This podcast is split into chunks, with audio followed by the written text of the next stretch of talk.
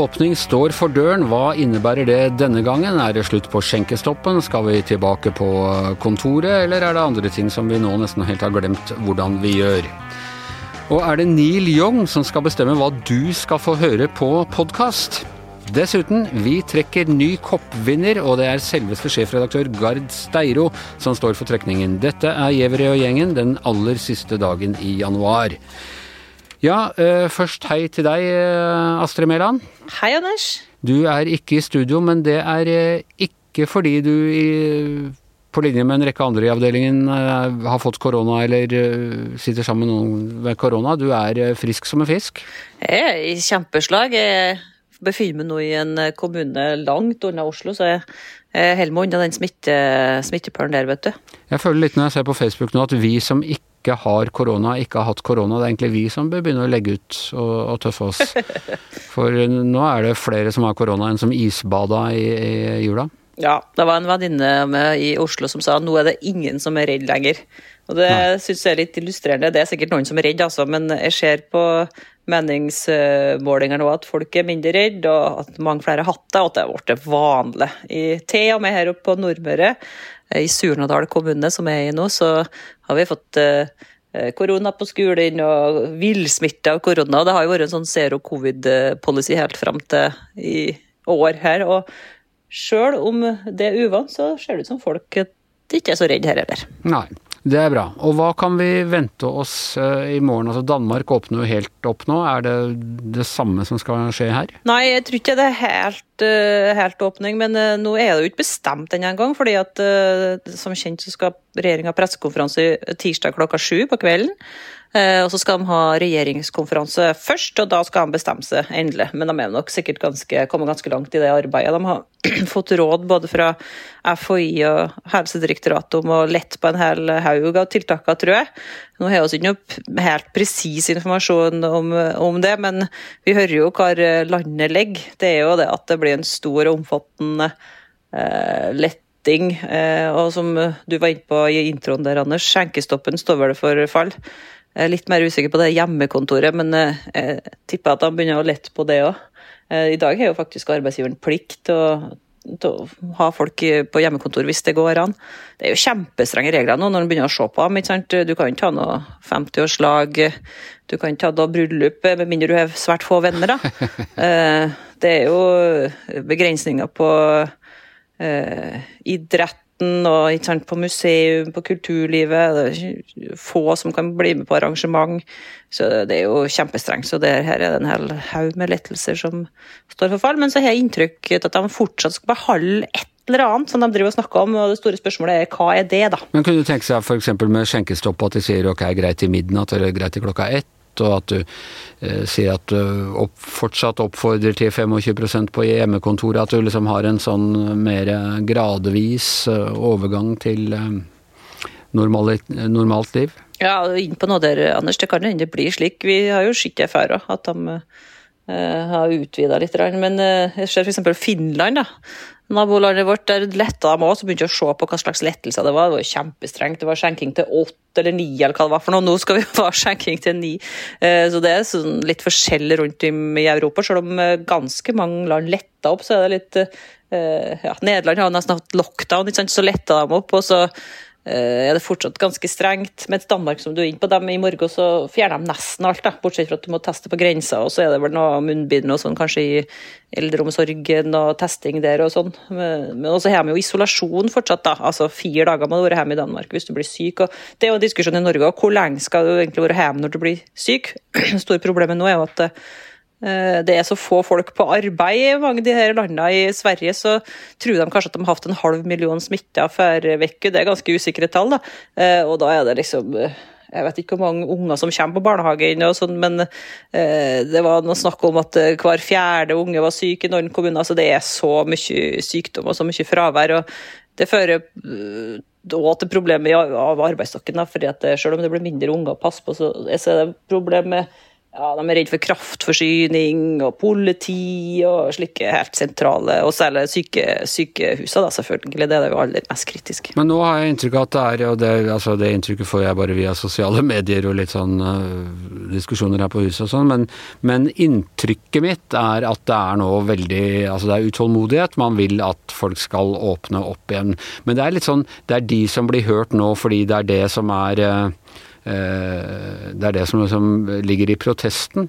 Eh, tror du vi kan regne med en sånn motreaksjon hvis det nå åpner opp og smittetallene da radikalt eh, stiger fra allerede ganske høyt, at det vil komme en motreaksjon med krav om å stenge ned igjen? Ikke på smittetallene, tror jeg nei. Det må jeg forresten nevne at smittetallet kommer til å bli helt feil framover.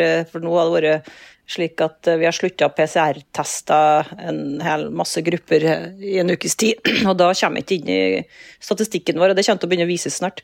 Eh, men det er jo det at eh, det kan bli kjempemange innlagt på sykehus, det er vel det som er kritisk da. Og det er jo ikke nå i Norge, det gikk jo ned igjen i helga. Men i Sverige så har de jo faktisk satt rekord på sykehus nå. Det er flere innlagte enn i bølge tre. Og i Danmark også er det vel nesten 1000 innlagte, som er da både med og for, for, korona, da, fordi det er så mange som er smittet, sånn at et beinbrudd òg kan bli et eh, koronainnleggelse. Eh, så det må sies. Men eh, det er jo travelt, da, fordi at de her sykehusene må jo uansett ta hensyn til smittevernregler altså når de får koronapasienter.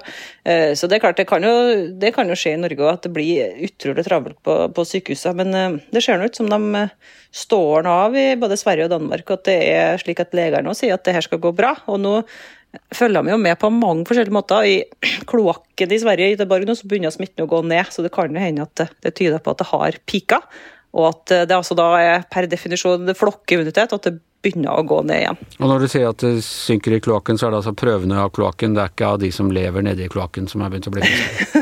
Nei, det, det, var kanskje litt dårlig formulert. Det er altså virus... Jeg så for meg sånne gamle Batman-historier og sånne ting, og sånne folk som lever nedi der. Og... Nei, det, det, er ikke noe med det. Altså, men det, det overvåkinga den er ganske kul. I stedet for å drive og teste folk, så driver de og følger med på virusmengden i kloakken. Ja, det er jo sånn man finner ut om hvordan det er med narkotikamisbruk og alle mulige sånne ting også. Ja, det er kanskje det? Ja, ja. De ser plutselig at nå er det kokain eh, Nå er det økte kokainverdier i, eh, i kloakken.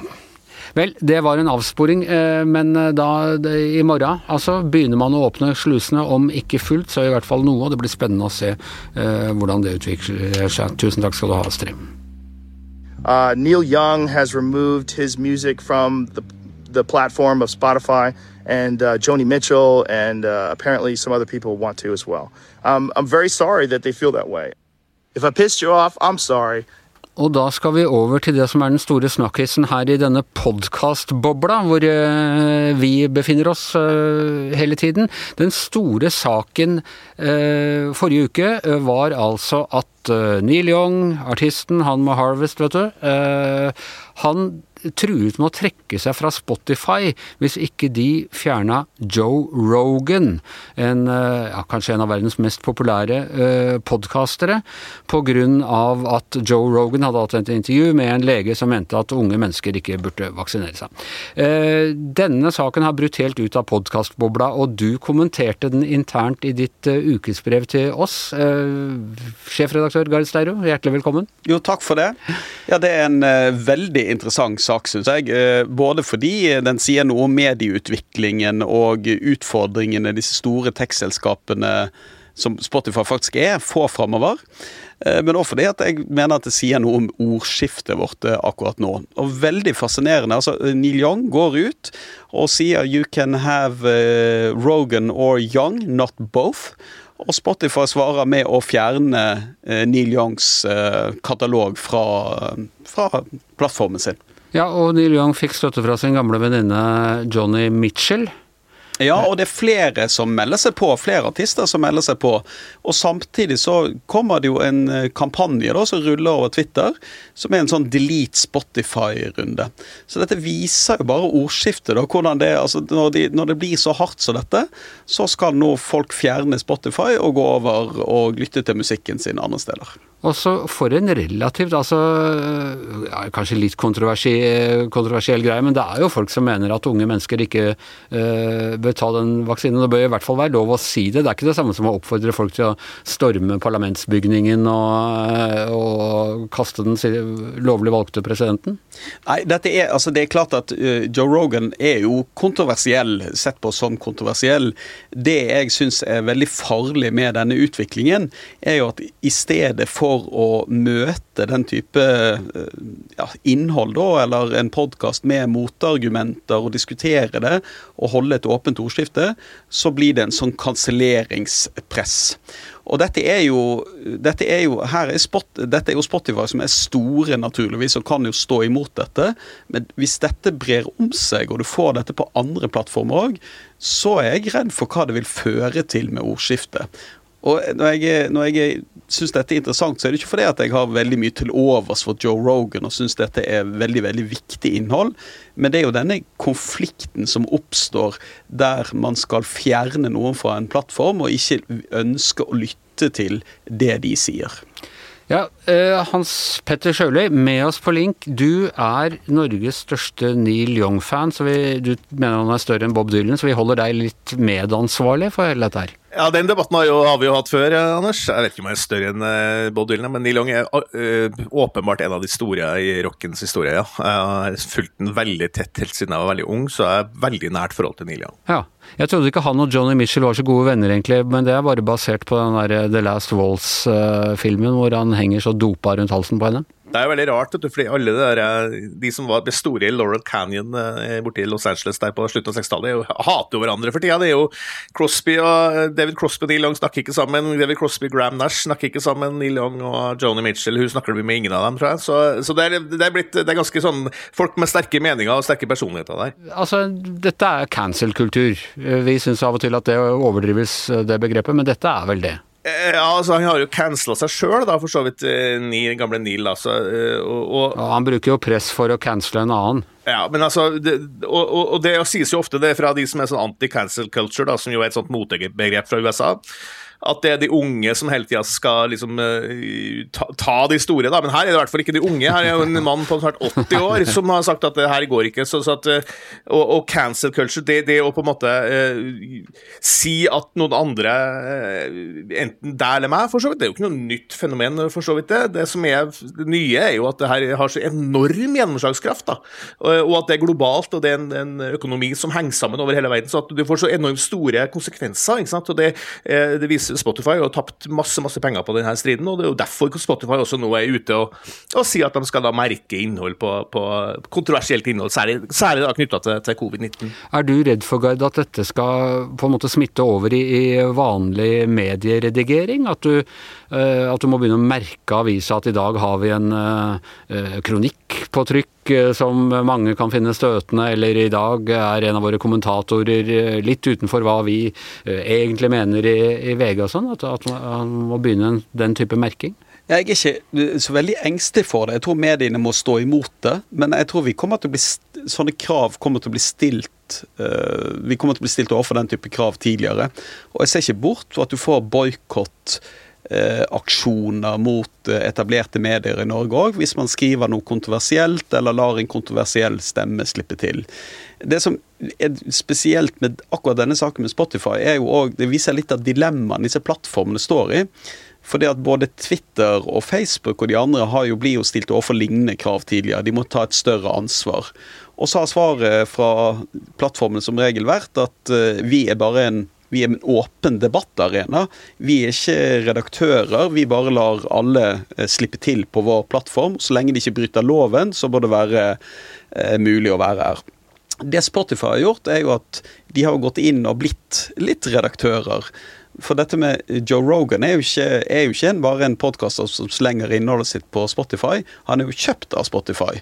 De har jo betalt da angivelig opp mot 100 millioner dollar for å få tak i innholdet hans og ha det eksklusivt. Så det stiller jo Spotify i en litt en litt vanskelig posisjon her. For de, kan, de, har liksom, de, har nærmest et redaktøransvar for Joe Rogan, selv om de nekter å ta det. Og det gjør denne situasjonen ekstra vanskelig for dem. Vi som er journalister, Hans Petter, vi har jo mast om det lenge, at, at disse plattformene de, de, må ta redaktøransvar og øh, på linje øh, med andre. Vi har etterlyst dette her. Skal vi, bør vi være glad for denne utviklingen, kanskje? Ja, jeg syns saken her har vært ganske god. Altså, har jo, nå har jo Spotify som sagt gått ut og, og sagt at de har uh, planer om å, å, merke ting. Kanskje det kan være lurt. Altså, vi må huske på hva saken egentlig handler om. Altså, det er jo en, en meget kontroversiell person som han der Rogan intervjua her. En, en, lege som har fått masse masse pes, en lege som, som sier helt uh, åpenbart uh, åpent da, at, at uh, ja, det han, sier, han kaller, kaller, vaksiner for, for, genmanipulering. Han sier at det er, science is settled. Det her they are not working sin. Sant? Så det, det er jo reinspikka fake news. da. Og Spørsmålet er jo også litt om hvorvidt de der, forskjellige plattformene skal godta ting som er ren misinformasjon. Poenget med Joe, Joe Rogan Show er at det, inn, det henvender seg mot unge folk. Snittalderen er 24 år eller noe sånt. Og da er det jo dumt at du sitter en, en, en lege som gis en slags autoritet som sier at nei, det her er covid-19 er ikke noe farlig for dere, du trenger ikke å vaksinere dere. Det, det, er jo et reelt problem det her også. et reelt, uh, og, og han legen er jo også utestengt fra Twitter. Det har vi opplevd med, med Donald Trump også. ikke sant? Så det, det er jo en, en, bevegelse blant de plattformene også til, til, å ta et større skal vi si, ja, eh, ansvar for det som da blir lagt ut på der, deres plattformer. Og Joe Rogan er jo, som Guide sier, kjøpt opp for enormt dyre penger av Spotify. Og da er det jo implisitt også at du har et slags redaktøransvar. Og sånn sett har jo denne saken vært et slags gjennombrudd også.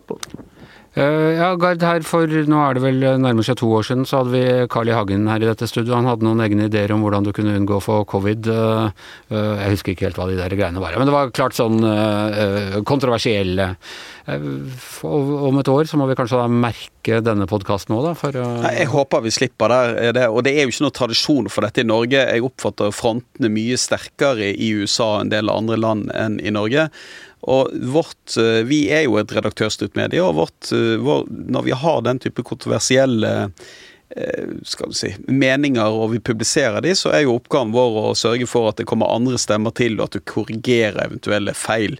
Det er jo sånn journalistikk fungerer. Og så må kanskje da Spotify og andre plattformene òg forstå at når de beveger seg inn og blir redaktører, og beveger seg inn på på journalistenes banehalvdel, så stilles det noe andre krav til dem. Men å si at vi bare skal fjerne dette innholdet, eller så sletter vi appen, eller du får ikke lov å spille musikken min fall, Vi skal iallfall tenke den tanken helt ut. Hva vil det føre til på sikt? Og jeg er ikke så sikker på at det blir bra. Nei.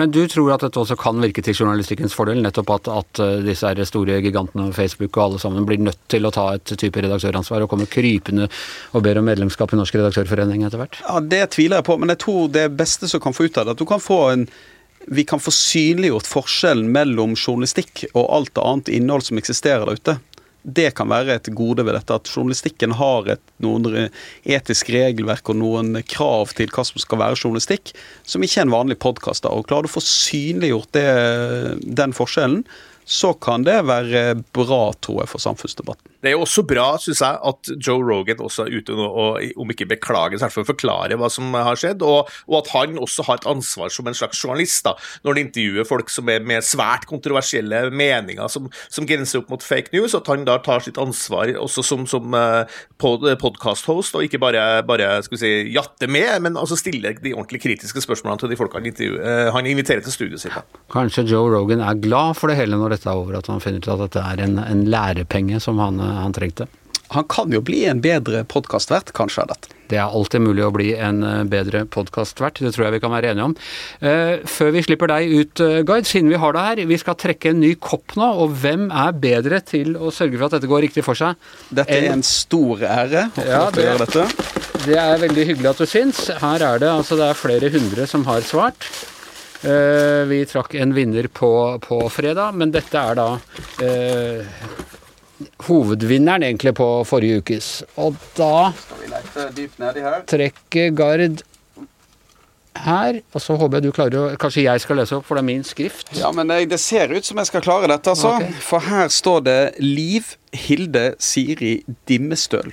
Ah, og hun var av de som, eh, tror jeg, ser jeg på, på papiret, var av de som uh, tok uh, quizen etter forrige fredag. Så det var, det var gøy at, at det var en av dem. Hjertelig uh, gratulerer til deg. Send oss adressen din, så kommer koppen i posten. Eh, dermed er eh, Giæver og gjengen over for i dag. Tusen takk til Astrid Mæland, tusen takk til Hans Petter Sjøli, takk til Gard Steiro. Jeg heter Anders Giæver, og mannen som aldri kommer til å trekke alle sangene sine fra denne podkasten, er som vanlig vår produsent Magne Antonsen. Du har hørt en podkast fra VG. Ansvarlig redaktør, Gard Steiro.